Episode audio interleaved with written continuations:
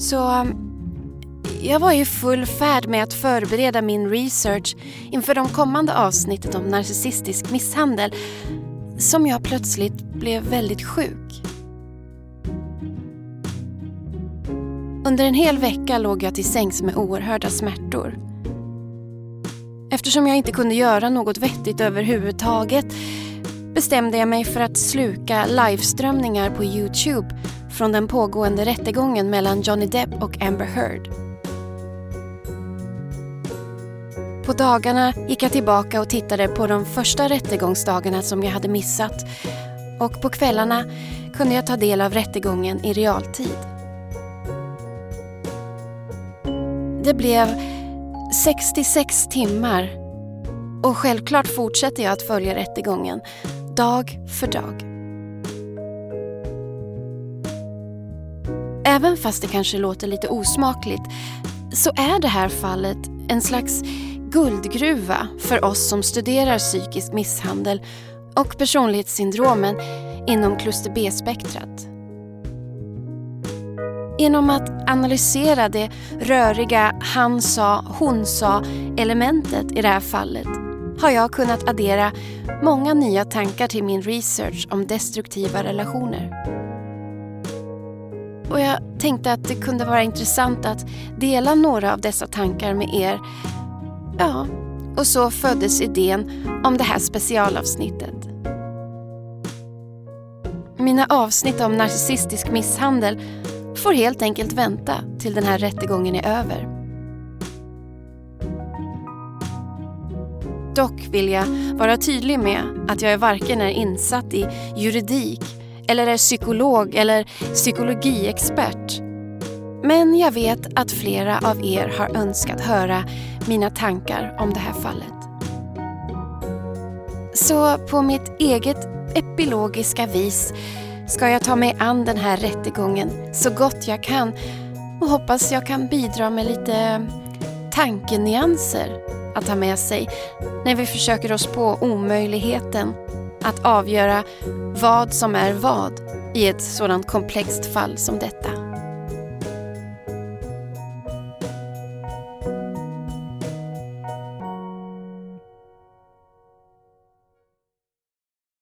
Och eftersom vi just nu befinner oss mitt i rättegången så kommer jag dela upp min analys i två avsnittsdelar.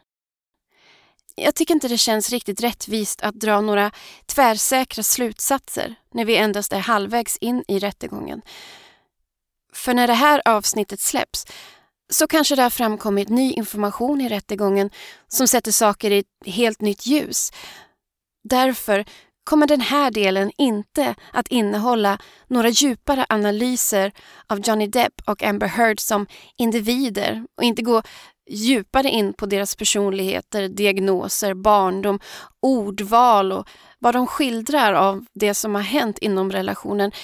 Det sparar jag till nästa avsnitt. I den här delen kommer jag istället göra en annorlunda analys av fallet. Kanske till och med en unik analys.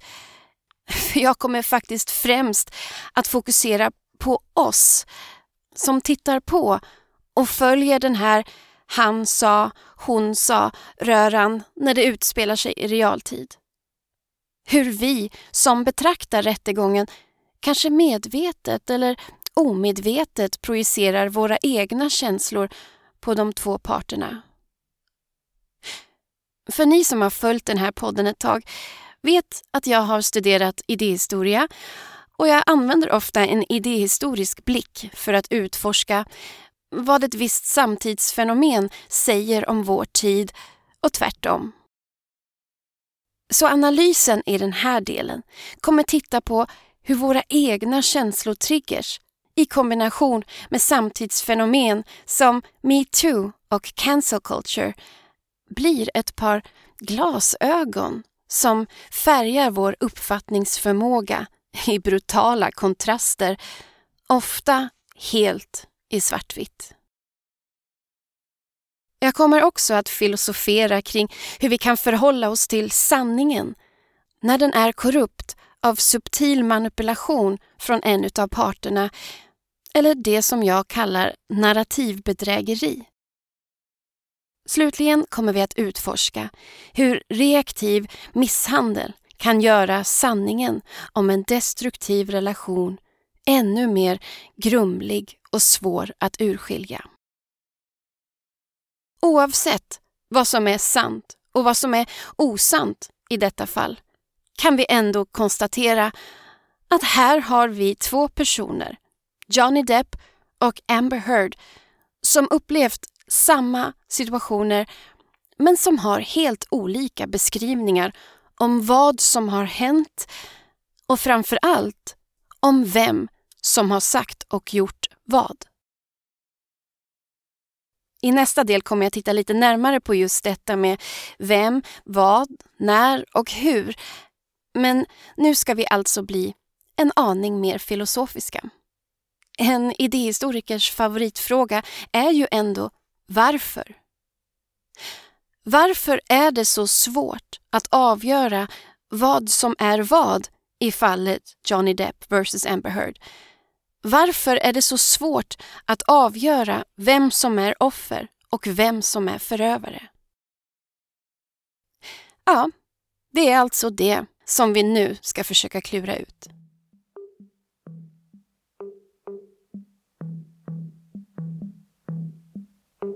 Lite bakgrundsfakta. Rättegången mellan Johnny Depp och Amber Heard grundar sig i att Depp stämt Heard för så kallad defamation eller ärekränkning är väl den närmaste definitionen på svenska om jag fattat det rätt. Efter att Washington Post den 18 december 2018 publicerade en artikel med titeln Amber Heard I spoke up against sexual violence and faced our culture's wrath. That has to change. Alltså, Amber Heard, kolon. Jag stod upp mot sexuellt våld och mötte samhällets vrede. Det måste ändras. Artikeln är skriven av Amber Heard.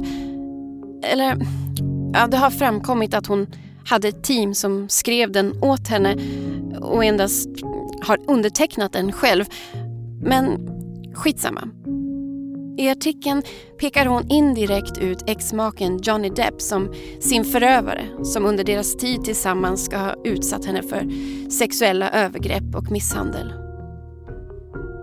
Så vad är då ärekränkning? En kort definition är att göra publika falska uttalanden som är olagligt skadliga för en persons rykte. Depp anser att dessa, enligt honom, falska påståenden har skadat både hans rykte och karriär. Han menar att Heards artikel har lett till att hans rykte är skadat, han har tappat anseende inom branschen och därmed förlorat både inkomst och viktiga filmroller. Bland annat sin paradroll som kaptenen Jack Sparrow i Pirates of the Caribbean 6. Samtidigt som artikeln har gynnat Amber Heards karriär och etablerat henne som en feministisk aktivistikon i kölvattnet av metoo. Artikeln i Washington Post kom ut lite drygt ett år efter metoo-hösten och, värt att notera, i samband med premiären av Aquaman där hon har en av huvudrollerna. Depp menar att Heards anklagelser är en del av en smutskastningskampanj efter deras destruktiva relation. Som en fortsättning av hennes psykiska misshandel. Hans team av advokater lutar mycket av sina argument på att artikeln bygger vidare på ett falskt egennyttigt narrativ som Amber Heard började brodera ut i samband med skilsmässan 2016 då People Magazine publicerade bilder på Heards ansikte med rosenfärgat blåmärke efter en påstådd misshandelsattack från Johnny Depp där han ska ha slängt en telefon rakt i ansiktet på henne.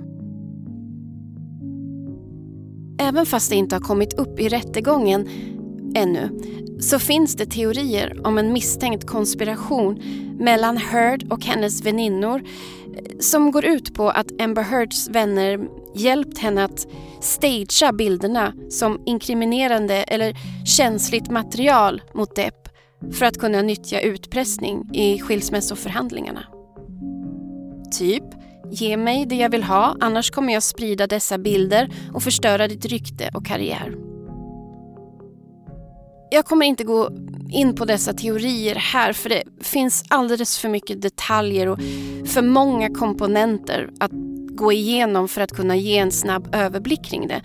Men är ni nyfikna på att ta del av teorierna, kolla in Youtube-kanalen Incredibly Average som har gjort helt fantastisk research om detta.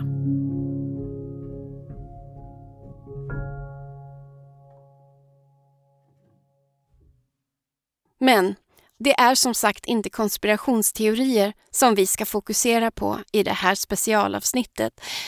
Utan fokuspunkten ligger på hur svårt det kan vara att reda ut en destruktiv relation när man lyssnar till bägge sidor som hävdar att de båda är offer för den andres misshandel och våld. Går det ens att avgöra vem som talar sanning och vem som uppenbarligen ljuger för att dölja sanningen om sin skuld? Vi var ju inte där. Vi vet inte vad som hände. Vi har ingen aning. Vår förmåga att bilda en helhetsbild är därför utelämnad till de vittnesmål och bevis som presenteras i rättegången och därefter till vår magkänsla för att försöka avgöra hur det ligger till. Problemet med att sitta på behörigt avstånd och försöka avgöra vem som är förövare och vem som är offer i en destruktiv relation där det förekommit både subtil och påtaglig psykisk misshandel, eller missbehandel som jag kallar det, är att det är just denna uppdelning av roller som förövaren spelar på i det som kallas eftervåldet. Ofta i en smutskastningskampanj. Vi kommer prata mer om det lite senare. Men hela den här han sa, hon sa grejen blir då för omvärlden nästintill omöjlig att reda ut. Och det är exakt så som förövaren vill ha det. Jag pratade lite om det här i avsnitt 11, Råd till anhöriga. Och jag tänkte att vi skulle lyssna på ett klipp ur det som beskriver just det här med om det finns två sidor av en berättelse om misshandel. Och det jag upplevt har jag upplevt helt ensam inom relationen. Det finns inte två sidor av min upplevelse. Så snälla, säg aldrig det är aldrig ens fel när två träter till mig. Det är så provocerande. Det där är en av de värsta lögnerna som finns. Med den logiken kan ju inga förövare ställas till svars för sitt agerande. Det där med att det är aldrig ens fel när två träter gäller endast i konflikter. Och det jag har upplevt är inte en konflikt. Visst var relationen fylld med både stora och små konflikter men det jag utsatts för är ett mer subtilt mönster av manipulationer, kontroll och förtryck. En konflikt består i att två relativt jämnstarka parter tar till lika hemska medel för att förstöra för varandra. Det är bägge lika dåliga kolsupare och därför bär de båda skulden för konflikten. Det finns helt enkelt de som förtrycker och de som blir förtryckta. De är inte jämlikar i en konflikt som de båda försöker vinna.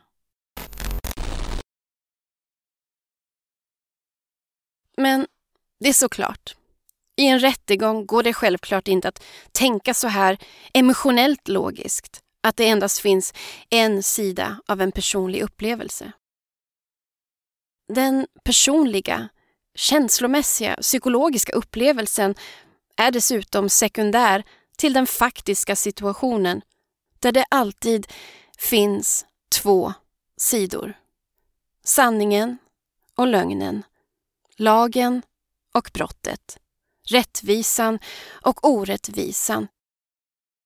Ja, hela rättssalen är ju fysiskt uppdelad i två sidor. Den ena tillhörande den anklagade och den andra tillhörande den som anklagar. Och i mitten, mitt emot dessa två sidor, finns domaren som ska vara neutral.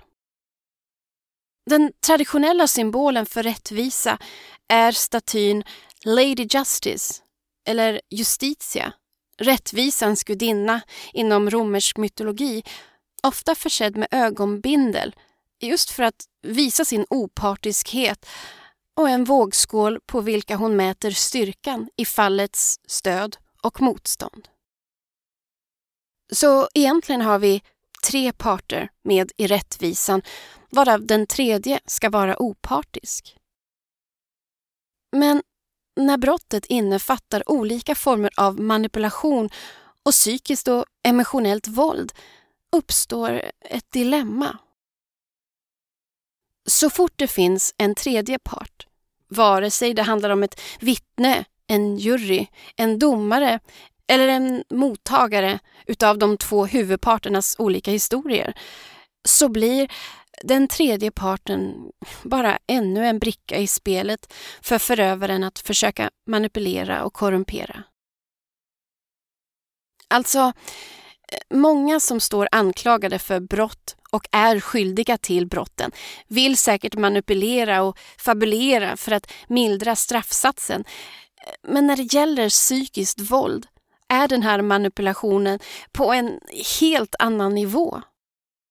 Särskilt om förövaren har ett personlighetssyndrom där både självbild och verklighetsuppfattning är grundat i vanföreställningar om vad som är rätt och fel, verkligt och overkligt.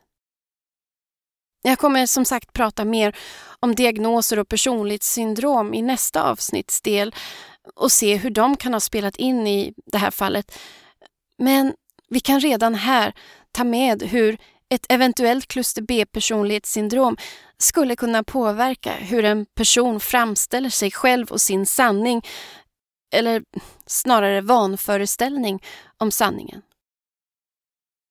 Utan att gå in alldeles för mycket på personlighetssyndromen som man diskuterar i detta fall så kan vi i alla fall nämna att det rör sig om borderline och histrionisk personlighetssyndrom och båda har attribuerats till Heard genom en utredning utförd av Dr. Shannon Curry som vittnat till förmån för Depp, men som sedan har strykits och omdiagnostiserats till PTSD utav Dr. Don Hughes som är vittne till förmån för Heard. Inom parentes. Minns inte om detta har tagits upp i denna rättegång men som jag har förstått det så har Depp tidigare diagnostiserats med ADHD, bipolaritet och depression utöver sitt missbruk. Dessa diagnoser är dock inte något personligt syndrom. Slutparentes.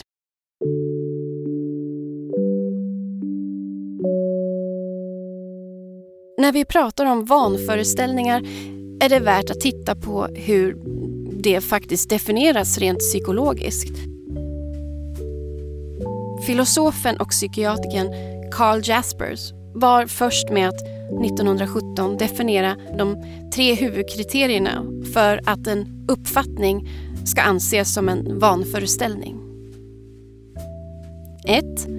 Personen hävdar något med absolut övertygelse. 2. Personens övertygelse går inte att förändra varken med motargument eller bevis för motsatsen. 3. Det personen hävdar med absolut övertygelse är osannolik, bizarr eller uppenbart lögnaktig. Personer med vanföreställningar tror helt enkelt på sina egna lögner. Och om man tror på sin egen lögn så är man alltså extremt övertygande. Personer med vanföreställningar kan alltså vara helt övertygade om att de själva är offret även om de kanske inte alls är det. Och eftersom de är övertygade så reagerar de och agerar efter sin övertygelse. På så sätt kan de rättfärdiga sitt beteende med allra största övertygelseförmåga. Ja, och har de övertygat sig själva så kan de övertyga vem som helst. Hos personer med kluster B-personlighetssyndrom är hela identiteten en vanföreställning eller förfalskning. Borderlines kan helt basera sin identitet på andra vilket leder till kameleontliknande förändringar i identiteten som livsstil, intressen, åsikter, klädstil, framtoning och maner.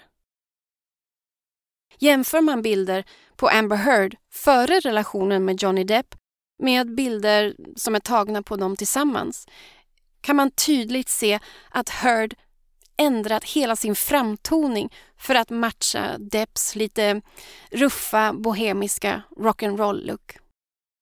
Jag säger inte att det här beror på en någon diagnos, men det är värt att notera. För att kunna upprätthålla sin identitetsförfalskning måste de ständigt skriva om verkligheten och förkasta allt som är äkta och sant.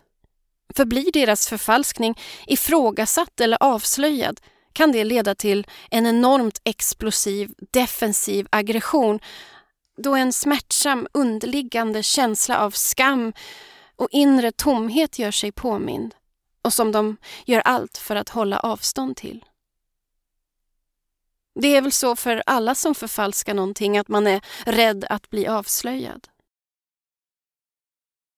Även fast narcissister och borderlines upplever vanföreställningar när det gäller både sin självbild och verklighetsuppfattning och förfalskar sin identitet därefter, så håller de oftare på med så kallad konfabulation än att ta till rena lögner.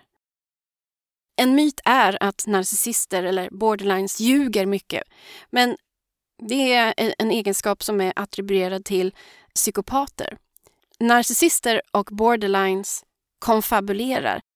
Och en konfabulation innebär att man inte kan eller vill redogöra för en historia eller upplevelse, whatever skälet till det må vara, och då medvetet eller omedvetet hittar på en ny historia. De investerar oerhörda mängder tid och kreativ energi åt att brodera ut de här konfabulationerna som ständigt behöver lappas och lagas, där det gått en maska eller där det håller på att lossna i sömmarna. Det här blir en stor källa till stress och ångest för dem så de försöker alltid vara steget före genom att samla in motbevis och att återtolka verkligheten så att den hela tiden passar in i det önskade narrativet som de sen kan använda som försvar om det skulle uppstå hål i sina redogörelser. Både narcissister och borderlines konfabulerar och ljuger i första hand både inför sig själva och andra för att slippa konfronteras med den verkliga verkligheten och den smärtsamma sanningen om sig själva. Psykopater ljuger däremot bara för att de vill ha någonting. I både lögner och konfabulationer utnyttjar narcissister och manipulativa personligheter andra människors godhet, godtrogenhet, naivitet och empati.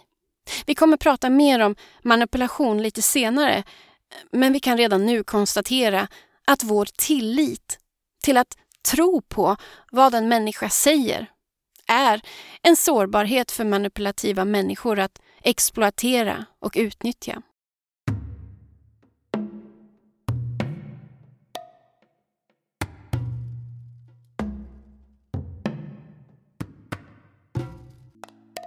För mig som både kvinna och överlevare tar det verkligen emot att misstro en annan kvinna som berättar att hon har blivit misshandlad av sin partner. Men det är också just min motvilja att misstro kvinnan som blir en öppen spelplan där hon kan manipulera mig om hon skulle vilja. Särskilt nu i vår tid. Efter metoo-hösten 2017 har just misstron kring kvinnors berättelser om mäns våld och övergrepp blivit en känslig fråga. Men på lite olika sätt beroende på vilket land man pratar om. Om vi till exempel jämför hur metoo har satt sina spår i Sverige mot hur det har satt spår i den amerikanska kulturen så ser det ganska annorlunda ut. I Sverige konstaterade många att metoo-uppropet gick för långt och, och det blev plötsligt synd om männen som inte längre visste hur de skulle bete sig i kvinnors sällskap utan att ses som tölpar eller kladdiga gubbslem. En efter en friades männen som blivit anklagade i samband med den svenska metoo och fick råta ut i media. En efter en fälldes de svenska kvinnorna som har gått ut med sina berättelser för förtal eller blev offentligt skammade. Svenska kvinnors röster om övergrepp tystnade till slut. Men i USA däremot var det männen som en efter en åkte dit. Och kvinnornas offentliga röster hjälpte till att forma en ny kulturell medvetenhet kring mäns övergrepp mot kvinnor och som sprängde en stor del av tystnadskulturen som möjliggjort dem. Så att tysta kvinnors vittnesmål om kända mäktiga mäns övergrepp är en känslig fråga i USA. Samtidigt är vi svenska kvinnor rent av förbannade på hur vi fortfarande lever kvar i tystnadskulturen som allt mer kvävt våra röster efter metoo. Här i Sverige har nästan till allt positivt och konstruktivt förändringsarbete kring mäns våld och övergrepp mot kvinnor uteblivit. Vi är arga, besvikna och känner stor frustration och maktlöshet. Vi är alltså i ett slags vilande kollektivt fight mode. Men paradoxalt nog har vi människor idag en helt ny typ av makt och influens att straffa förövartyper utan att först behöva vända sig till rättssystem för en rättvis dom.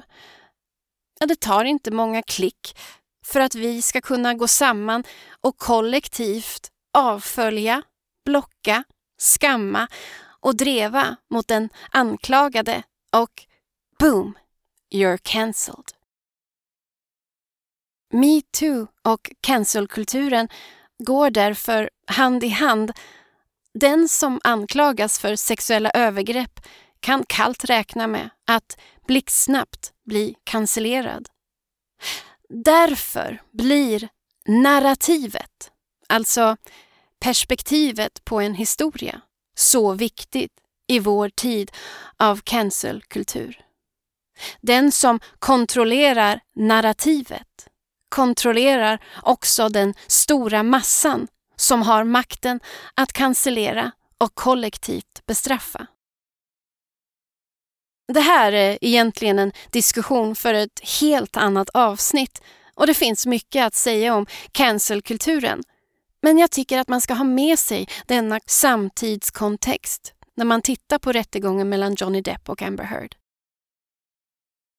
Hur våra egna känslor kring metoo och offentliga berättelser om mäns övergrepp mot kvinnor kan överskugga vår förmåga att ta till oss komplexa och motstridiga uppgifter som vi faktiskt behöver tänka till om istället för att blixtsnabbt döma och kategorisera mannen som självklar förövare och kvinnan som självklart offer bara för att vi är så jävla trötta på att det oftast är så. Annars är det lätt att vår blick är färgad av vårt eget perceptionsfilter och av våra mer eller mindre undermedvetna projiceringar. Med en sådan färgad blick blir Johnny Depp som en fysisk representation av hela det patriarkala samhället med dess kvinnoförakt och tystnadskultur som tillåter män att misshandla kvinnor bakom stängda dörrar där det inte finns några vittnen och alltså inte går att bevisa såvida det inte leder till synliga blåmärken som kvinnan visar upp för omvärlden. Med en sådan färgad blick blir Amber Heard samtidigt en fysisk representation av patriarkatets kollektiva offergrupp av förtryckta kvinnor som inte endast får utstå männens våld, tyranni och förnedring utan även hur hon ska tystas ner när hon tar mod till sig för att berätta öppet om det. För patriarkatets största vapen för att tysta kvinnor som berättar om mäns övergrepp är att hon blir misstrodd. Kvinnan utmålas då ofta som en galen hysterika, en lögnerska eller en femme fatale. Genom denna blick blir den misstro som riktas mot Heard ett hån mot alla kvinnor som överlevt våld från en manlig förövare. Och denna blick gör oss kvinnor blinda av vrede. Men om vi vrider blicken och ser allt ur motsatt perspektiv och med nya tankefärger ser allt plötsligt helt annorlunda ut. För hur skulle egentligen en misshandlad man någonsin våga träda fram och öppet berätta om sina upplevelser av relationsvåld där kvinnan är förövaren om han alltid i första hand tvingas representera sitt kön i debatten om relationsvåld där mäns våld mot kvinnor är det enda som får lov att diskuteras. Med den här nya blicken, i den nya färgskalan, klarar vi också av att se att en kvinna som utövar psykisk och emotionell misshandel mot sin manliga partner eller ex lätt kan exploatera och utnyttja just detta i sin misshandel och smutskastningskampanj. Hon har då, genom att automatiskt representera det förtryckta kvinnliga könet, ett övertag om narrativet av vad som har skett. Hon blir genom sin representation av den förtryckta könsrollen, alltså det självklara offret. Och han blir genom sin representation av patriarkatets misogyna tyranni den självklara förövaren. Sanningen faller utanför ramarna av vad könsrollerna tillåter. Och den misstro som riktas mot Depp blir ett hån mot män som överlevt våld och förtryck från en kvinnlig förövare. Alltså, det här är lurigt och komplicerat. Mycket på grund att vi har svårt att titta objektivt på både Johnny Depp och Amber Heard. Och inte att förglömma att ovanpå allt detta så är Johnny Depp en av världens största filmstjärnor och har varit i decennier. Och han är älskad både som skådespelare och för sin charmiga, kufiga, introverta, offentliga persona. Och genom sin artikel i Washington Post och sina offentliga utspel i kölvattnet efter metoo så har Amber Heard profilerat om sig till att bli en stark röst för överlevare av mäns våld och övergrepp mot kvinnor. Och många unga kvinnor ser henne som en ny, modig feministikon. Nej, inte ens här går det att titta på dem med en neutral blick. Ömsom representerar han det vidriga som metoo exponerade om Hollywood och ömsom det vi älskar med Hollywood. Ömsom representerar hon en klassiskt manipulativ golddigger och ömsom den pågående metoo-rörelsens bakslag. Det blir väldigt få färger på vår tankepalett. Det blir mest svart och vitt när vi ser på rättegången mellan Johnny Depp och Amber Heard. Det blir män mot kvinnor, kvinnor mot män, gott mot ont, rättvisa mot orättvisa, frihet mot förtryck, kvinnofrigörelse mot patriarkatet. På något sätt har vi liksom tappat bort de flesta komplexa nyanser däremellan. Ja, det är sannoliken inte lätt att försöka se regnbågens alla färgnyanser när man drivs av känslor i svartvitt. Men det går.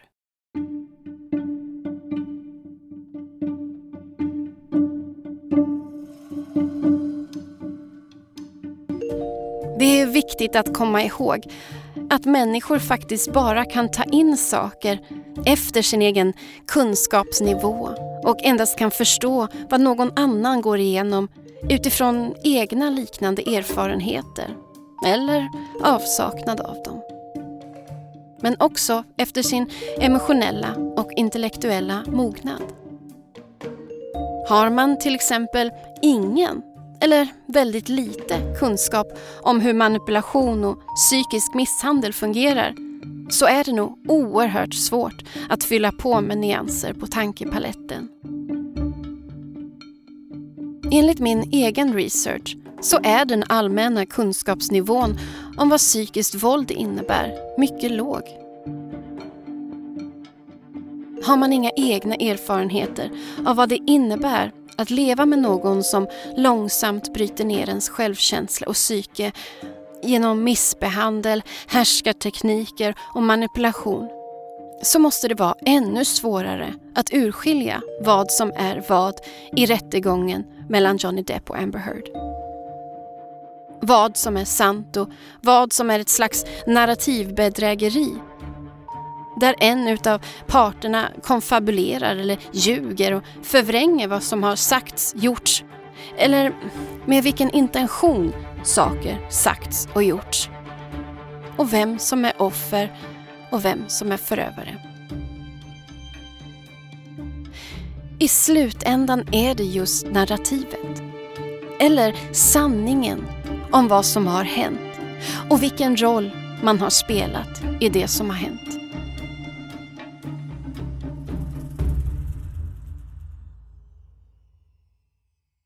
Och sanning är verkligen inte ett lätt begrepp. Sanningen är alltid beständig i sin form. Men formen kan se olika ut beroende på vilken vinkel vi betraktar den ifrån. Ett klassiskt exempel på detta är att så sanningsenligt som möjligt beskriva formen av en penna. Problemet är bara att den sanningsenliga beskrivningen kommer skilja sig åt beroende på om man betraktar pennan framifrån, från sidan eller uppifrån. Den kan med ärlighet beskrivas både som ett vertikalt streck, ett horisontellt streck eller som en cirkel beroende på betraktarens synvinkel. Beskrivningarna skiljer sig mycket åt men alla är korrekta och sanningsenliga. Så här långt tror jag att vi alla är överens om att det är svårt att beskriva sanningen om en enda korrekt form. Men vad händer om någon manipulerar sanningen? Eller först, vad är egentligen manipulation? En kort definition kan förklara psykologisk manipulation som en medveten metod för att kontrollera eller påverka en individs tänkande, uppfattning, val eller handlingar.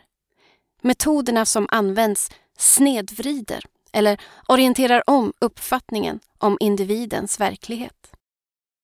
Alla människor är sårbara för psykologisk manipulation. Ja, även de som manipulerar. Enligt Wikipedia består dessa sårbarheter av flera komponenter som manipulatören sedan exploaterar. Jag har valt ut några av dessa sårbarheter. Vår naivitet eller omognad. Detta innebär människor som har svårt att acceptera tanken på att vissa människor är listiga och hänsynslösa. Många människor går in i förnekelse när de blir utnyttjade. Övervillighet. Detta innefattar människor som är alltför villiga att ge någon annan fördelen av sitt tvivel och övervilligheten att se den andra sida av saken. Dålig självkänsla. Detta innefattar människor som kämpar med självtvivel, som saknar självförtroende och självsäkerhet. Överintellektualisering. Detta innefattar människor som till varje pris försöker förstå logiken i saker och tror att andra alltid har någon förståelig anledning till att vara manipulativ. Känslomässigt beroende. Detta innefattar människor som har en undergiven och medberoende personlighet. Ju mer känslomässigt beroende en person är, desto mer sårbar är han för att bli utnyttjad och manipulerad. De flesta av oss bär på en eller flera av dessa sårbarheter. Och vi kan väl omöjligt veta när någon av dessa sårbarheter utnyttjas i syfte att manipulera oss. Det är ju liksom det som är kärnan av manipulation. Att vi inte ska kunna uppfatta när vårt tänkande och uppfattning om saker blir korrupta av någon annans inflytande.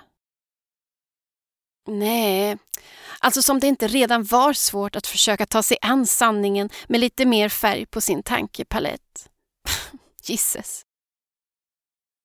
Men det finns ändå sätt att kunna känna på sig när man blir manipulerad. Dels kan vi söka kunskap och lära oss om hur subtil manipulation funkar, vad psykiskt våld är, vad gaslighting innebär och om hur härskartekniker kan se ut in action. Men det finns ännu ett sätt som inte kräver att vi slukar kunskap från andra. Tvärtom, nämligen att lyssna på vår egen magkänsla. När vi blir manipulerade så är det som om det går ett larm någonstans i magen. Vi känner att något inte stämmer. Något känns off, men vi vet inte vad det är som är fel. Att lyssna på sin magkänsla är inte en särskilt prioriterad sak i dagens samhälle. Hela vårt kapitalistiska samhälle går ju ut på att vi inte ska lyssna på varken förnuft eller magkänsla, utan på våra begär. Att köpa, äga och jaga ouppnåeliga ideal och upplevelser. I ett sådant samhälle blir den naturliga kontakten med våra instinkter, förnuft och våra själars inre röst ett direkt hot för att vi ska kunna manipuleras av subtil eller övertalande marknadsföring och därmed bli köpstarka konsumenter. Så vi är idag i allmänhet rätt otränade i att lyssna på vår magkänsla. Och hör vi ändå det där larmet tjuta någonstans i magropen så litar vi ofta inte på att vi förstår vad det försöker meddela.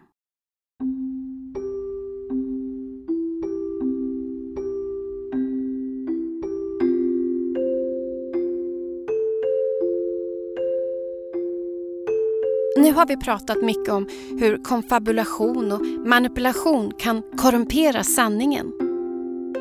Men nu tycker jag att vi ska prata om sanningen i sin mest okorrumperade form. Om det nu går.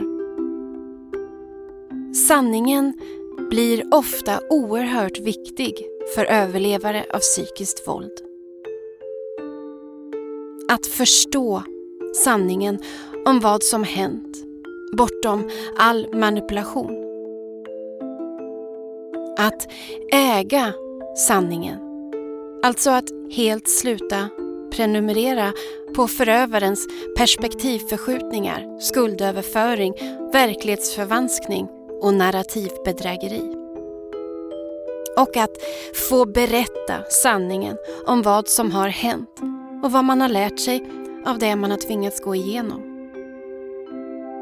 Sanningen för överlevare av missbehandel innebär den totala frigörelsen från förövaren. Men på samma sätt som sanningen blir viktig för överlevarens frigörelse från förövaren så blir sanningen ett viktigt vapen för förövaren att använda för att kontrollera narrativet efter att relationen har tagit slut. Vi har redan varit inne på det här förut, men det är värt att prata mer om. För det är liksom här som sanningen om vad som verkligen har hänt börjar erodera.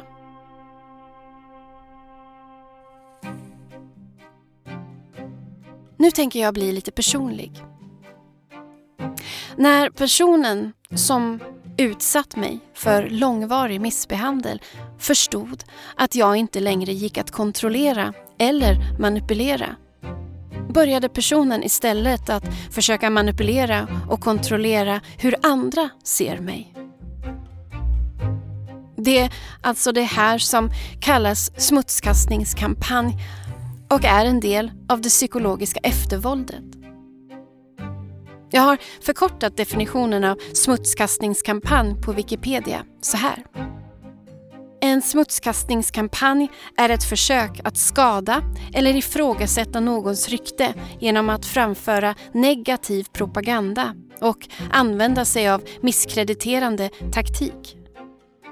Smutskastning är effektivt för att avleda uppmärksamheten bort från ämnet i fråga och till en specifik individ. Fokuset för den som utsätts för smutskastningen blir att korrigera den falska informationen snarare än på det ursprungliga problemet. Smutskastningskampanjer är ett vanligt vapen för psykopater, borderlines och narcissister. Ett exempel på smutskastning är att den som smutskastar hittar på något som sedan pressen skriver om. Och då kan smutskastaren säga att alla skriver ju om den här anklagelsen och därför måste det ju vara sant. Hmm, låter det här bekant? För åtminstone jag tänker på de publicerade fotona på Hertz rosenfärgade blåmärken i People Magazine 2016. Och jag tänker på artikeln i Washington Post 2018. Och jag tänker på alla artiklar som har skrivits däremellan och därefter som utmålat Depp som en galen missbrukande hustrumisshandlare.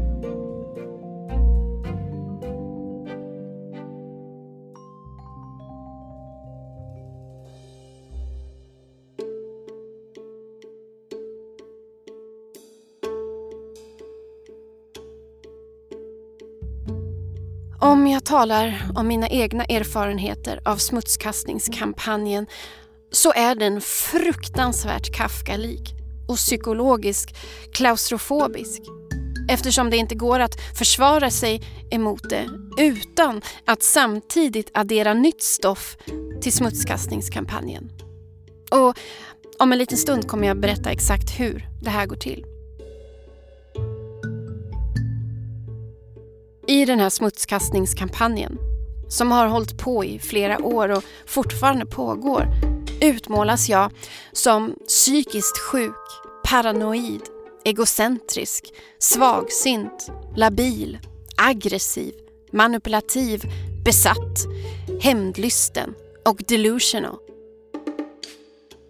Allt som går att använda emot mig som bevis på att jag är psykiskt sjuk har använts emot mig. Min konst har använts emot mig.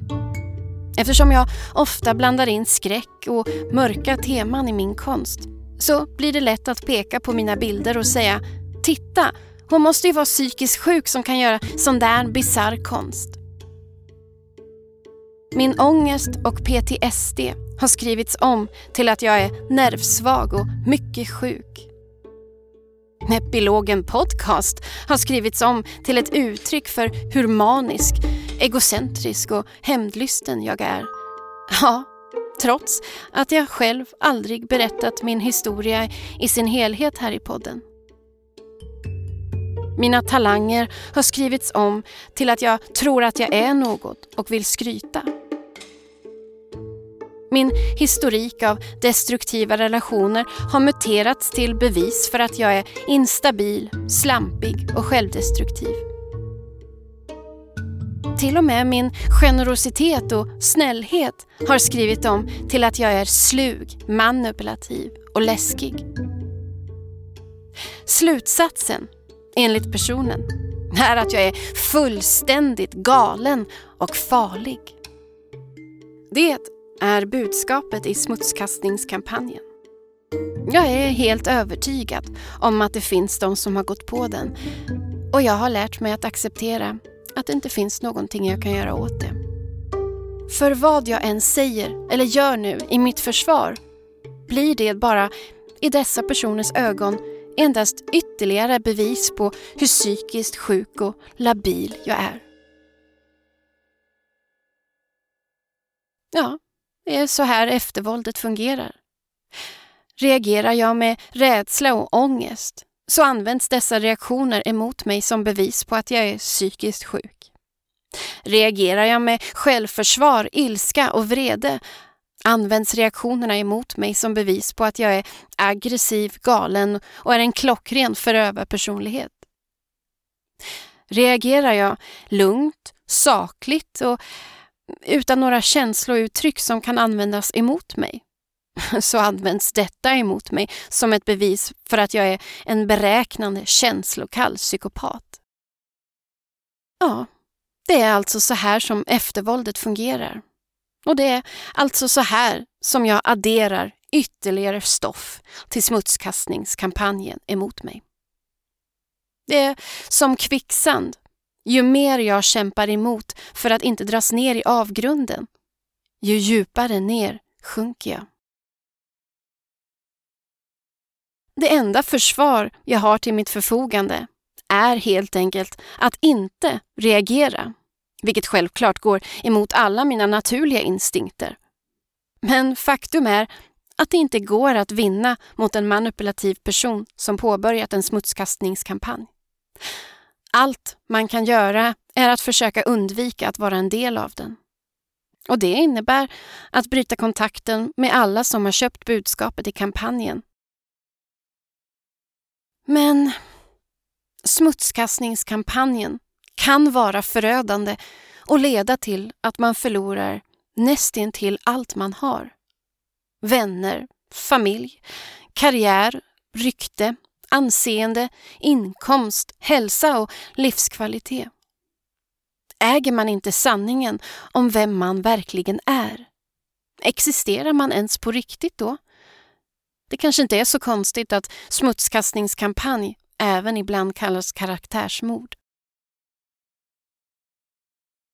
För den som ändå väljer att försöka segra över den klaustrofobiska smutskastningskampanjen och återuppstå från karaktärsmordet återstår att ge sig in i den smutsiga fighten att återta kontrollen över den korrupta sanningen eller narrativet för att få en känsla av upprättelse. Som i en rättegång. Det här med att förövaren vill åt ens reaktioner är inte endast en viktig beståndsdel i eftervåldet utan är ofta en del av den psykiska misshandel medan relationen pågår. Därför är det så lätt för förövaren att liksom fortsätta sin misshandel genom smutskastningskampanjen och genom de som köper den. Eftersom den spelar på samma rutin av provokation och därefter reaktioner.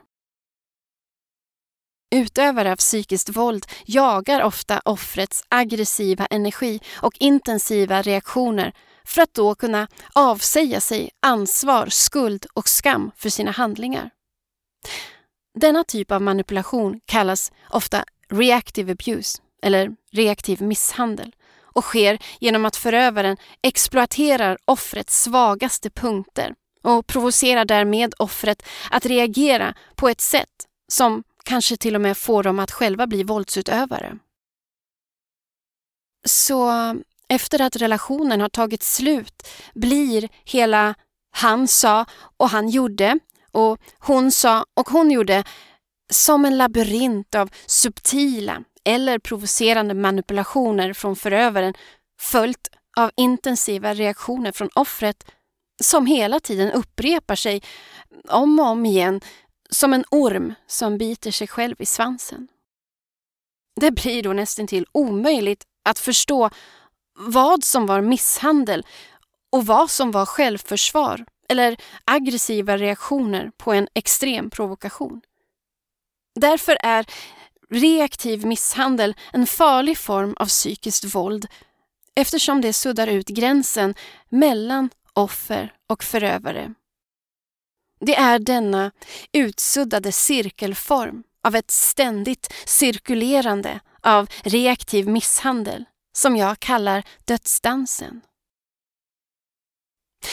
Så vem bär skulden när det tar två personer att ingå i denna dödsdans?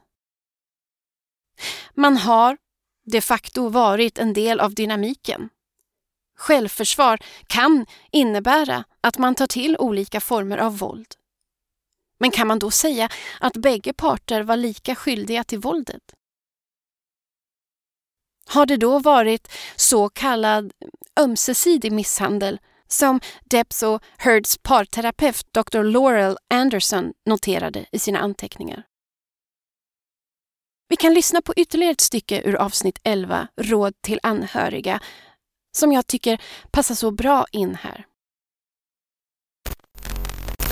En del säger att vi var två starka personligheter som krockade, men nej, det var en abusiv person och så jag som reagerade starkt på den missbehandel jag utsattes för.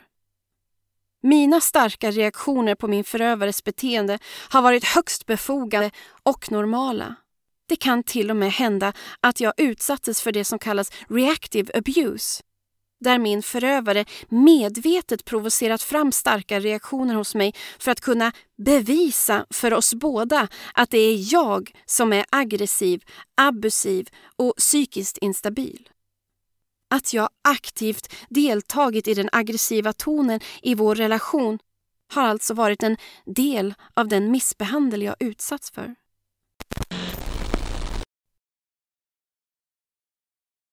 Om jag tar från mina egna erfarenheter av att utsättas för fysisk misshandel som exempel så lämnade våldet aldrig några synliga märken på min kropp.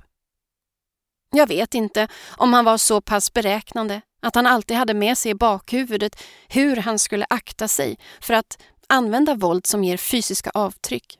Eller om jag kanske helt enkelt inte får blåmärken särskilt lätt. Men den fysiska misshandeln innebar att han drog och slet i mitt hår tills det ibland lossnade en tuva med rötterna. Han tryckte ner mitt ansikte mot golvet. Han slogs och fäktade med armar och saker och tog strypgrepp kring min hals tills jag låtsades tuppa av så att han skulle sluta innan det var för sent.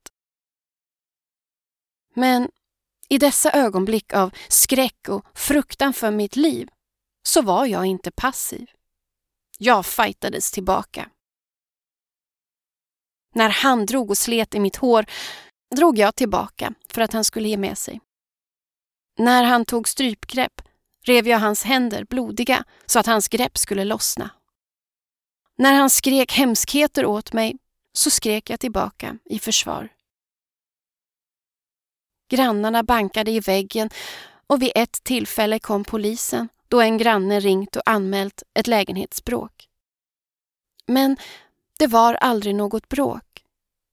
Det var mitt livs värsta stunder då jag kämpade för mitt liv.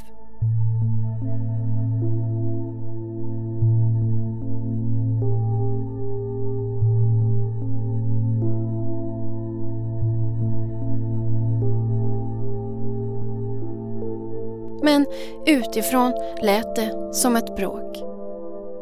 En fight mellan två människor som är arga på varandra. Jag minns att på väggen hemma hos våra respektive föräldrar så hängde ett fint porträttfoto av oss. Vi hade sparat ihop pengar för att gå till en professionell fotograf. Där, på fotot, står vi tillsammans mot en himmelsfärgad backdrop och ler. Och mitt i hans panna sitter ett diagonalt rött märke. Ett rivsår som jag orsakade i självförsvar när han ännu en gång attackerade mig med fysiskt våld bara några dagar innan vi gick till den där porträttfotografen. Ingen kunde ana vad det var för ett sår. Det var vår hemlighet och varje gång jag tittade på fotot så drabbades jag av fruktansvärt dåligt samvete. Ibland kunde han peka på det och pluta med underläppen för att verkligen spela på mitt samvete. Jag mådde så dåligt av att veta att jag hade orsakat en skada på en annan människa och jag bad ofta om ursäkt för det. Men faktum att det där såret i hans panna satt där med anledning av att jag hade kämpat för att få bort honom från min kropp under ännu ett strypförsök, det talade vi aldrig om.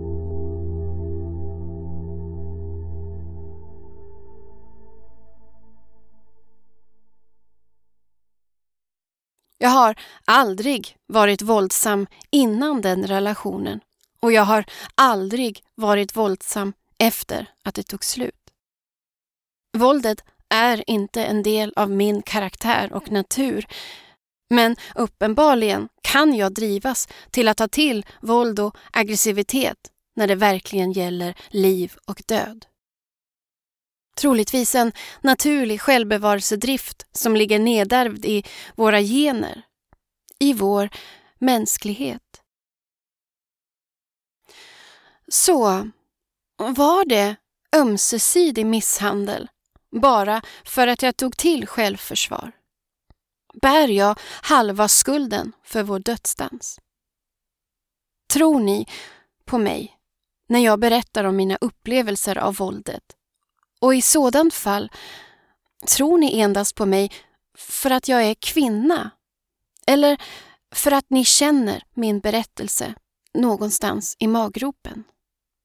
Och hade ni dömt min berättelse annorlunda om jag var en man och min förövare en kvinna.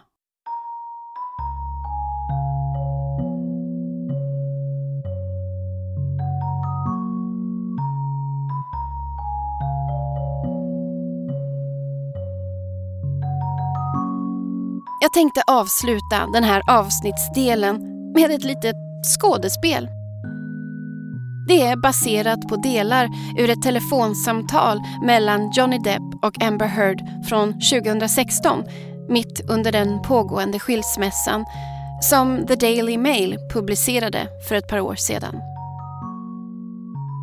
Originalinspelningen av telefonsamtalet finns att lyssna på via Youtube-kanalen Wholesome Content. I telefonsamtalet som är inspelat och initierat av Depp, försöker han närma sig Heard för att få mm, ett fredligt slut på den pågående smutskastningskampanjen. Han säger att han vill försöka lösa allt på ett sätt som är bra för dem båda, där de kan komma överens utan att dra ärendet till rätten. Han säger att han varken vill utsätta henne, sig själv eller sina barn för ett sådant publikt spektakel. Att de båda kommer dras i smutsen och att det inte är värdigt. Han påpekar hela tiden att han vill hennes bästa, att han fortfarande älskar henne så mycket och att det är helt onödigt att ta situationen till rätten när de skulle kunna försöka komma överens helt fredligt utanför offentlighetens blick. Men hon vägrar. Hon vill ha the big show in court, det publika spektaklet, för att rädda sin trovärdighet, som hon själv uttrycker det inom samtalet.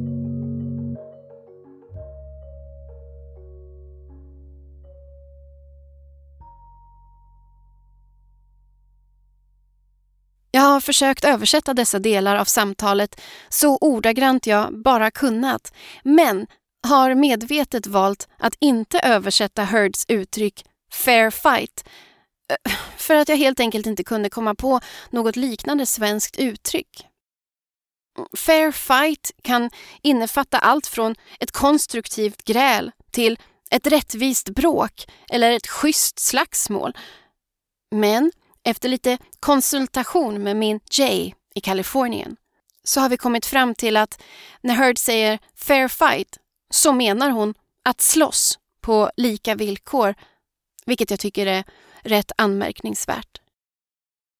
Och när hon pratar om att ha blivit sminkad i telefonsamtalet så refererar hon till konspirationsteorin om att fotona i People Magazine där man ser Heard med det rosa blåmärket att det skulle ha tagits i utpressningssyfte och att blåmärket i sådant fall bara är ditsminkat. Och jag kommer även att försöka återskapa tonfall, röstläge och intensitet i rösterna så att vi förstår nyanserna i vad som sägs. Okej, okay, here I go.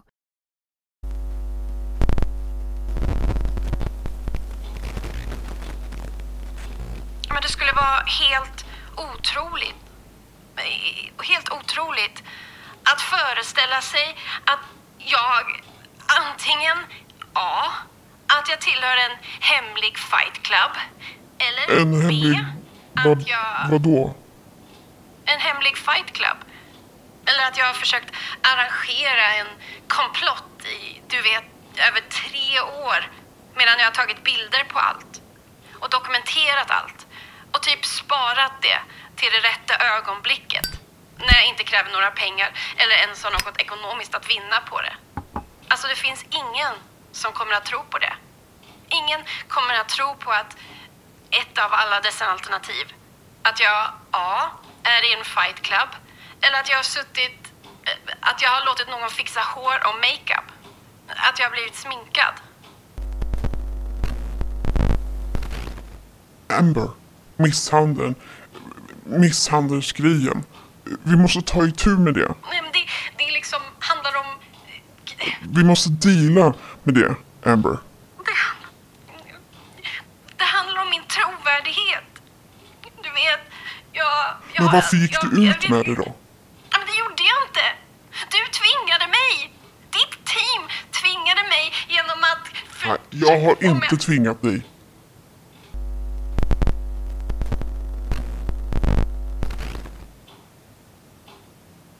Jag, eh, jag var god och säg till alla att det var en fair fight och se vad juryn och domaren säger.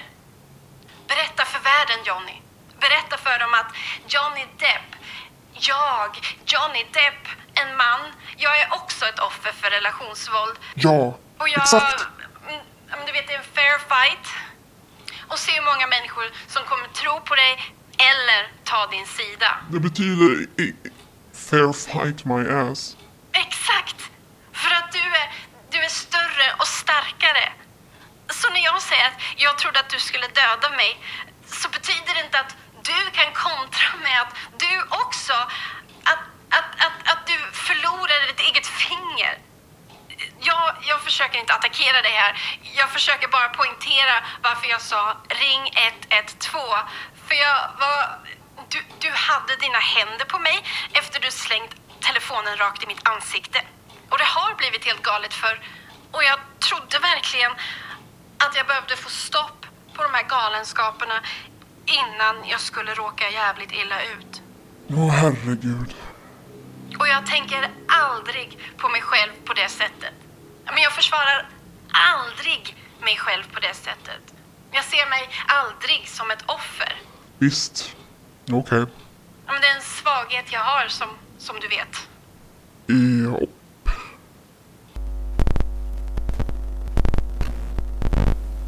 Allting har bara varit Okej, planterat. Alltså, det- o- o- ja, okej, så här är det. Okej, har fine. Du tror vad du tror. Men jag måste ringa runt lite och ordna och se what the fuck det är som händer. Men som, men som jag hör nu så vill du ta det här till rättegång och eh, fucka upp allt som fan. Alltså jag vill... Nej! Jag vill bara rent få mitt namn. Och det har Du kan inte rent få ditt namn efter det här. Låt dem inte ljuga för dig. Låt dem inte ljuga för dig. Jag har sagt detta från början. Jag har bara min integritet. Och det oturliga är Min integritet då? försöker ta det här Min integritet, vad händer med den?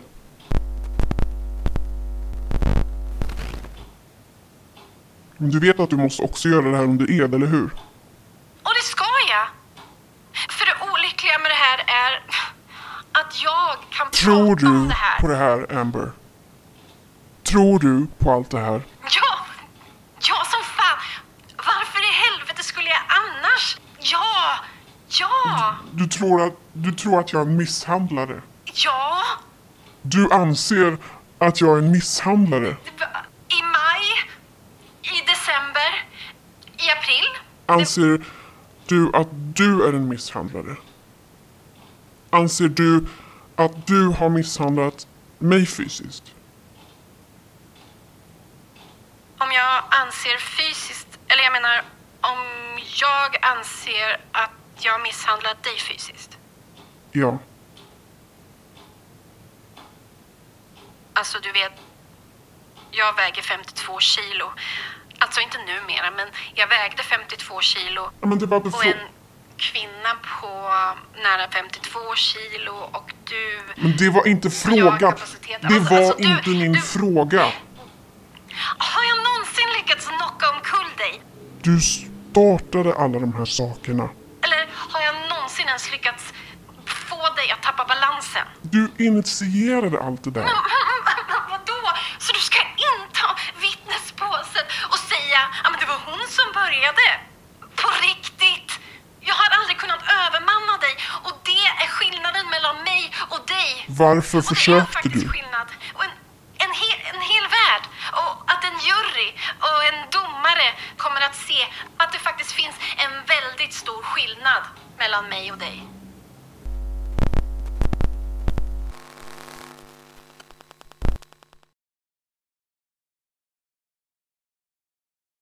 Så till slut, vad tror jag då om vad som är vad i fallet Johnny Depp vs Amber Heard? Ja, hur ska jag veta? Jag var som sagt inte där. Men utifrån den research jag gjort om destruktiva relationer under många år nu och utifrån mina egna erfarenheter av psykiskt våld, reaktiv misshandel och en smutskastningskampanj som fortsätter att pågå i detta nu så kan jag åtminstone urskilja konturerna av vad som är vad. Men jag är medveten om att även min blick kan vara färgad i en onyanserad tankepalett.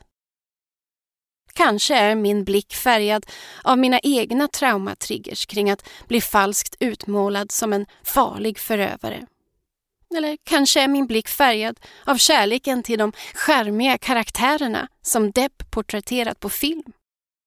Kanske tänker jag någonstans att inte kan väl den oskuldsfulla Edward Scissorhands verkligen vara en förövare? Eller jag kan väl inte cancellera den karismatiska Captain Jack Sparrow? Eller? Å andra sidan, jag kan väl för i helvete inte misstro en kvinna som berättar om fruktansvärda våldsövergrepp.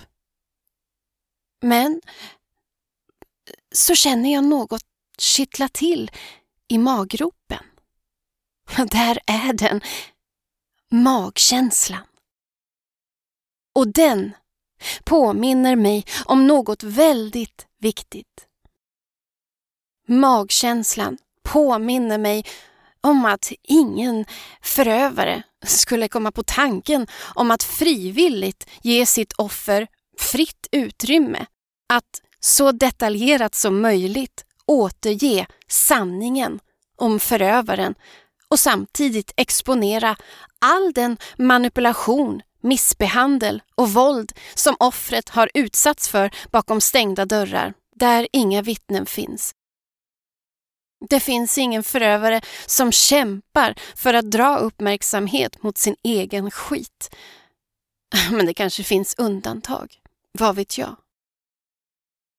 Allt jag vet är att Depp i sitt vittnesmål hela tiden återkommer till vikten av att börja äga sin röst och sin sanning.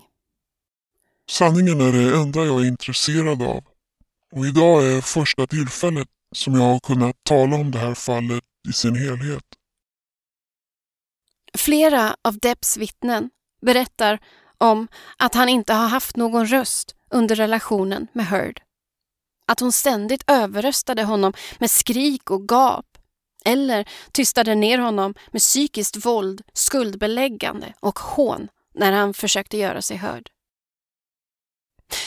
Och allt jag vet är att ingenstans i den där ödesartikeln i Washington Post från 2018 så nämner Heard vikten av att få äga sin röst och sanning.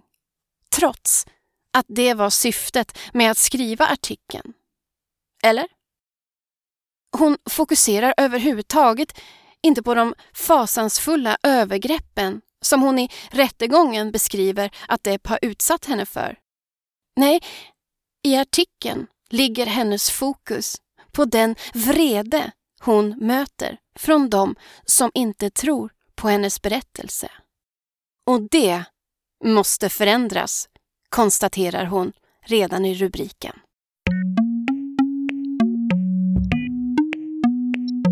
Du har lyssnat på första delen av Johnny Depp vs Amber Heard, en analys. Ett specialavsnitt i två delar från Epilogen Podcast. Jag, som är rösten och producenten bakom Epilogen, heter Mia Makila och är konstnär. Mer info om mig och podden finns på miamakila.com. Tack för att du har lyssnat. Och vi hörs i nästa avsnittsdel.